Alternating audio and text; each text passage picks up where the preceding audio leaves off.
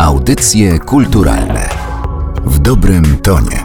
W jaki sposób dzieło sztuki istnieje, jak właściwie odbierać, podchodzić do dzieła sztuki i czym jest tak naprawdę przeżycie estetyczne? To tylko niektóre zagadnienia, z którymi jest związany Roman Ingarden, polski filozof, którego 50. rocznica śmierci niedawno minęła.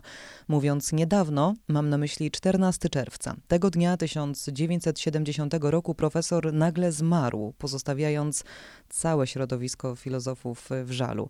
Nazywam się Katarzyna Oklińska. Dzień dobry. Moim Państwa gościem jest dzisiaj dr Paweł Rojek z Instytutu Filozofii Uniwersytetu Jagiellońskiego w Krakowie. Dzień dobry. Dzień dobry. To nie przypadek, że rozmawiamy z doktorem e, Pawłem Rojkiem z Krakowa. Ingarden właśnie z Krakowem związał swoje życie. Wybrał to miasto i Uniwersytet Jagielloński jako miejsce swojej aktywności zawodowej, ale również chyba można powiedzieć, że to miasto wybrało jego. Ingarden urodził się bowiem w Krakowie. Możemy chyba powiedzieć, że filozof stał się legendą filozofii, zwłaszcza e, tej krakowskiej filozofii, mimo że żył również między innymi w Toruniu i w Lwowie. Tak, Ingarden tułał się po kraju, natomiast rzeczywiście w Krakowie chyba zostawił naj, największą legendę. Gdy przypominam sobie studia, to e, anegdotki o Romanie Ingardenie należały do żelaznego kanonu naszych wykładowców, których większość z nich miała jakiś kontakt z Ingardenem, czy byli, byli jego uczniami, czy przynajmniej słuchali jego wykładów. Także do dziś standardowym przykładem przedmiotu trwającego w czasie jest pies Romana Ingardena Jog, z którym spacerował po plantach. Tak? Takie, takie drobne rzeczy, które, które, trwają, e, które trwają w pamięci instytucji. To była postać pomnikowa no, nie tylko ze względu na dorobek swój filozoficzny, no, ale też na taką legendę i no, pewnego rodzaju niezłomność, tak? zwłaszcza, zwłaszcza po wojnie, gdy uniwersytety były pod presją ideologiczną.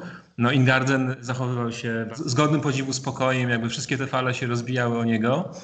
Nie mogę nie wspomnieć o jednej rzeczy. Kiedyś była wystawa na temat historii naszego, naszego Wydziału Filozoficznego i na wystawie była pokazana opinia o Ingardenie wystawiona przez lokalnego urzędnika partyjnego, gdzie pojawiały się przypuszczalnie zupełnie nieświadomie zarzuty dwa, które są bardzo znane w historii filozofii, mianowicie jeden, że, że jest religijny, a drugi zarzut komunistyczny był, że, że psuje młodzież, tak? że ma zły wpływ na młodzież. No i teraz to są zarzuty, które stawiano Sokratesowi, że wprowadza nowych bogów i psuje młodzież. Tak? To, to, są, to są jakby no, czytelne dla każdego, dla każdego filozofa jakby wspaniałe nawiązania, oczywiście nieświadome, prawda, do, do zarzutów, które, które, które znamy ze starożytnej Grecji. Tak. Historia lubi się powtarzać. Tak, tak, tak. Także tutaj no, wszyscy, wszyscy jesteśmy jakoś e, w cieniu Gardena, co, co oczywiście przypuszczam, że przez wiele lat mogło mieć mm, charakter powiedzmy opresywny, prawda? No tak, to też trzeba powiedzieć. Z mistrzem trzeba się zmagać.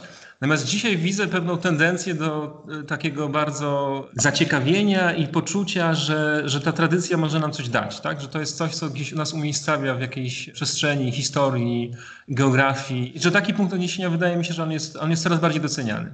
A ja zaczęłam naszą rozmowę od dzieła sztuki i estetyki według Romana Ingardena. Nie ukrywam, że to właśnie to zagadnienie w jego twórczości jest mi najbliższe, najbardziej znane z racji kierunku wykształcenia filozoficznego. Należy powiedzieć, że Ingarden nie tylko estetyką żył.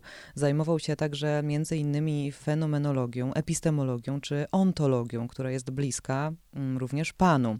Ingarden uważał, że ontologia jest filozofią pierwszą i tym samym jest podstawą dla innych nauk. Po pierwsze, mam takie pytanie, czy pan zgadza się z tym stwierdzeniem? Po drugie, najważniejsze, czy ontologia, czyli nauka o tym, co jest, jak moglibyśmy powiedzieć, albo o wszystkim, co jest. Oczywiście w rozumieniu Romana Ingardena przetrwała próbę czasu, czy jego spory o istnienie świata są aktualne. Nawiązuje teraz do tego, co pan powiedział przed chwilą, że wcześniej było takie mierzenie się z legendą, a teraz, jak pan obserwuje, jest takie, brzydko mówiąc, wyciąganie esencji, korzystanie z tego dorobku. Tak, to, to jest pewien paradoks, że e, rzeczywiście Ingarden był taki moment, że był najbardziej znany właśnie z powodu swoich prac estetycznych. On zwłaszcza zrobił wspaniałą teorię dzieła literackiego, która no, była absolutnie pionierska i no, weszła absolutnie do kanonu, do kanonu teorii literatury XX wieku.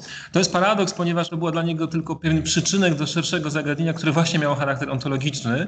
Zasadniczo jednak wszystkie te jego badania, czy to będzie w epistemologii, czy to, czy to właśnie w estetyce, tak naprawdę one, one, one zmierzały do, tej, do, do wielkiego finału, jaki miał być dzieło jego życia, czyli spór o istnienie świata niedokończony, no tak jak to zwykle bywa z takimi wielkimi projektami. I to jest dzieło ściśle ontologiczne. Ingarden podejmuje absolutnie fundamentalne kwestie e, dotyczące sposobu istnienia świata, a także rozmaitych obiektów, które, są, które istnieją w tym świecie.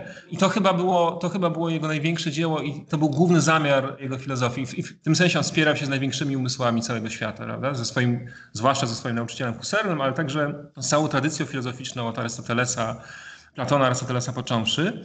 Ciekawe jest to, że rzeczywiście Ingarden należał do wąskiego kręgu bliskich uczniów Edmunda Husserla. To była zupełnie wyjątkowa grupa. To najlepsze umysły XX wieku tam brały udział. No, jego kolegami, koleżankami z seminarium to był, nie wiem, Martin Heidegger albo Edyta Stein, prawda, późniejsza święta. Absolutnie wyjątkowe, wyjątkowe towarzystwo. Ingarden tam się czuł jak w domu, prawda? To, to jest, grupa, która go ukształtowała. I świadczą też o tym listy, które filozofowie wymieniali między sobą, pełne życzliwości y, i, i, i przyjaźni. To widać na pierwszy rzut oka. Tak, to jest, to, to jest absolutnie no, wspaniała, e, wspaniałe towarzystwo, wspaniała grupa. Oczywiście nie obywało się bez starć, prawda? To znaczy jest historia Heideggera, który zaangażował się w nazizm, jest historia Husserla, który był, który był przecież Żydem z pochodzenia. Ciekawa rzecz, relacje Ingardena z Edytą Stein były skomplikowane, znaczy miały pewne cechy romansu z jednej strony, z drugiej strony Ingarden absolutnie potępiał, nie umiał zrozumieć decyzji Edyty Stein, filozofki, która postanowiła zostać zakonnicą. Także no, barwne towarzystwo, ogromny wpływ na kulturę, niezwykłe, niezwykłe biografie, niezwykłe życie. No, dużo, dużo z tego teraz wiemy. Mamy to dostępne dzięki wspaniałej inicjatywie cyfrowego archiwum Romana Ingardena. Bardzo nowoczesna inicjatywa, tam są skany wszystkich dokumentów, tłumaczenia, transkrypcje. Myślę, że warto, warto tam zajrzeć. Wszystko jest dostępne bezpłatnie bezpłatnie w internecie. Ale musimy powiedzieć też o tym, że Roman Ingarden to nie tylko filozof dla innych filozofów i dla filozofii w ogóle. Był to człowiek wykształcony wszechstronnie. Matematyka, literatura, muzyka, języki obce. Na początku chciał zostać pisarzem, pisał wiersze. To doświadczenie być może, tak podejrzewam, że mogło zaowocować tym, że w tak przystępny sposób napisał książeczkę o człowieku, jedną z najpopularniejszych absolutnie w swoim dorobku. Być może właśnie dlatego, dlatego, że tak przystępnie napisaną. O czym jest? O istocie człowieka, jak pisze Danuta Gierulanka we wstępie. Skąd fenomen tej książeczki, jak została określona w swoim tytule? Jest to co prawda książeczka niewielka, ale czytamy w niej o sprawach absolutnie wielkich. Tak, to jest, no to jest takie drugie oblicze Ingardena. Ingarden Ingarden nie definiował się jako popularyzator. On raczej właśnie był na tym pierwszym froncie y, pracy filozoficznej, seminaryjnej, wielkie dzieła, traktaty, to y, dalekie było od jakiejkolwiek prawda, popularności. Natomiast ta praca została złożona po śmierci Ingardena właśnie z drobnych tekstów, które jak, jak się razem, razem się zostały zebrane, no to okazały się być właśnie bardzo przystępne. Ale pod koniec życia Ingarden myślał o stworzeniu czegoś takiego, także nie jest to taki projekt stworzony bez jego wiedzy. On przez kilka lat zastanawiał się, jak to zrobić, no ale w końcu nie zdążył. Tak, tak. Y, y, ostatnio na Allegro widziałem japońskie wydanie tej, tej, tej książeczki. Także to, to jest... świadczy o popularności rzeczywiście. Tak, światowy, światowy sukces, wiele tłumaczeń. Tam jest też rozprawa o odpowiedzialności, która jest naprawdę poważną rzeczą i jakby zderzenie się z takim językiem filozoficznym może być, może być ciężkie. Natomiast no, on robił co mógł, żeby pisać, e, żeby pisać przejrzyście. Tak? Ceną za to jest pewna objętość i jakby obszerność takiego prac. Natomiast no to e, pewien wysiłek zawsze się opłaca, tak? To znaczy zetknięcie z Ingardenem to może być, może być w ogóle wprowadzenie do, wprowadzenie do filozofii. Myślę, że myślę, że ta książeczka jest, jest, jest, jest, jest, takim, dobrym, jest takim dobrym punktem.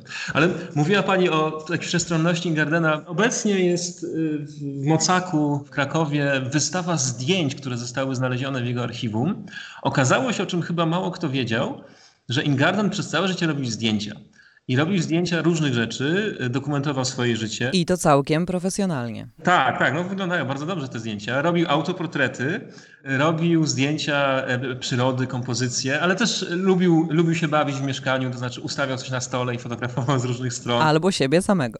Natomiast na mnie największe wrażenie, takie trochę jakby dodające barw obliczu Ingardena, wielkie wrażenie zrobiły zdjęcia, które on robił swoim studentkom w swoim mieszkaniu na tle książek. To mi przypomniało taki projekt Maurycego Gomulickiego sprzed kilku lat, gdzie właśnie on fotografował modelki na tle książek. No to może nie są modelki, natomiast, e, natomiast jest, jest tym coś bardzo takiego, powiedzmy, odważnego. Tam są wybitne osoby, jest, jest Halina Poświatowska, wybitna poetka, która była uczennicą Ingardena, jest pani profesor Maria Gołaszewska, którą my znamy jako E, prawda, nestorkę estetyki, a tam jest w pięknej sukni, prawda, pozuje w różnych ujęciach na tle, na tle książek. Coś, bardzo taki fajny, e, ludzki rys starszego profesora, który, e, który lubi robić zdjęcia. Tak? Bardzo, bardzo ciekawa wystawa. Na tej wystawie w Mocaku, w krakowskim Mocaku, można zobaczyć e, prawie 150 e, fotografii autorstwa Romana Ingardena. I tak jak pan doktor powiedział, e, zobaczymy tam nie tylko zdjęcia z Tatry czy Wenecji, ale także portrety Haliny Poświatowskiej czy autoportrety.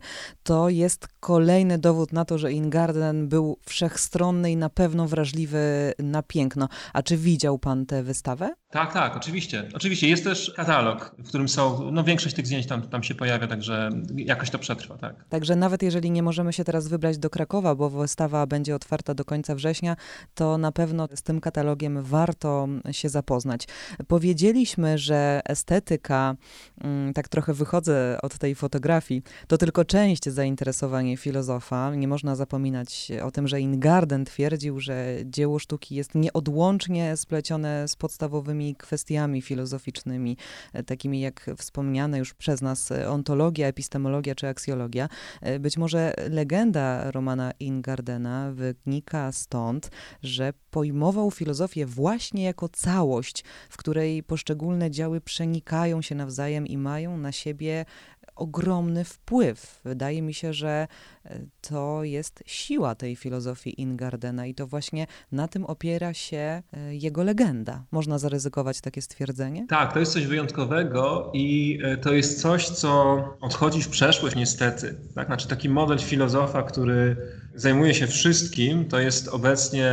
Dzisiaj jest to skorelowane z takim przeświadczeniem, że ten, kto zajmuje się wszystkim, zajmuje się niczym. Tak, i jest dyletantem, oczywiście, tak? Więc być znaczy też y, ja bym bronił pewnej profesjonalności filozofii. Ingarden był profesjonalistą też pod tym względem, prawda? To nie był, prawda, uliczny mędrzec, który ma na, na, na każdy temat coś do powiedzenia. Nie, to była taka porządna niemiecka szkoła gruntownej pracy naukowej. Chociaż należy powiedzieć, że Sokrates też był ulicznym mędrcem. Ale to też pokazuje właśnie metamorfozy filozofii. Co są żniste dzieła, dzieła nie, niemieckiej szkoły, prawda? W każdym razie jakby rzeczywiście e, tak, taki model e, wszechstronnego filozofa to jest coś, coś coraz bardziej rzadsze, no co też jakby stanowi pewien, pewien punkt odniesienia. To znaczy, wydaje mi się, że czasem brakuje takiej, e, właśnie takich ludzi, którzy by mieli szeroką wizję, tak? Znaczy filozofia bardzo, no ze względu na obieg międzynarodowy, specjalizację, jakby często prowadzi do tego, że zajmujemy się jakimś wycinkiem, prawda, drobnym, jakby nie, nie, nie mając możliwości dostrzeżenia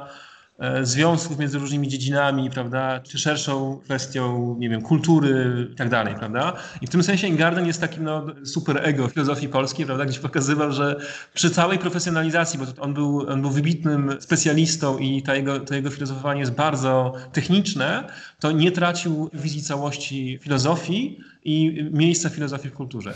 I dochodzimy tutaj do mojej ulubionej i chyba mogę tak powiedzieć, przyznać się ukochanej teorii Ingardena, z którą jestem w bardzo romantyczny i zawodowy sposób związana. Mianowicie uważał on, że estetyka i kultura w ogóle to przejawy istoty człowieka. Jak czytamy w książeczce o człowieku, o której już wspominaliśmy, człowiek tworzący kulturę wytwarza realne warunki zaistnienia i ukazywania się w świecie wartości. Chodzi o wartości moralne i estetyczne. Więcej, jak czytamy, człowiek to ktoś, kto nieustannie próbuje przekraczać granice zwierzęcości tkwiącej w nim, w tym człowieku, czyli w nas.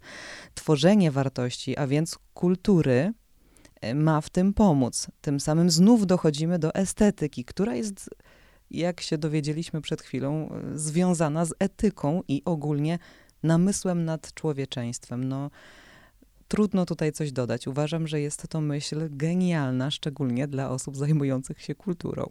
Bardzo pocieszająca. Tak jest, tak jest. Tak pani zaokrągliła, że aż nic nie można dodać teraz. No dobrze, w takim razie e, tą myślą e, zakończymy nasze dzisiejsze spotkanie z e, panem doktorem Pawłem Rojkiem z Instytutu Filozofii Uniwersytetu Jagiellońskiego w Krakowie. Panie doktorze, bardzo dziękuję, że znalazł pan dla nas czas. Dziękuję bardzo. I zachęcamy do odwiedzenia chociaż wirtualnie wystawy w Mocaku i zapoznania się z pracami Romana Ingardena.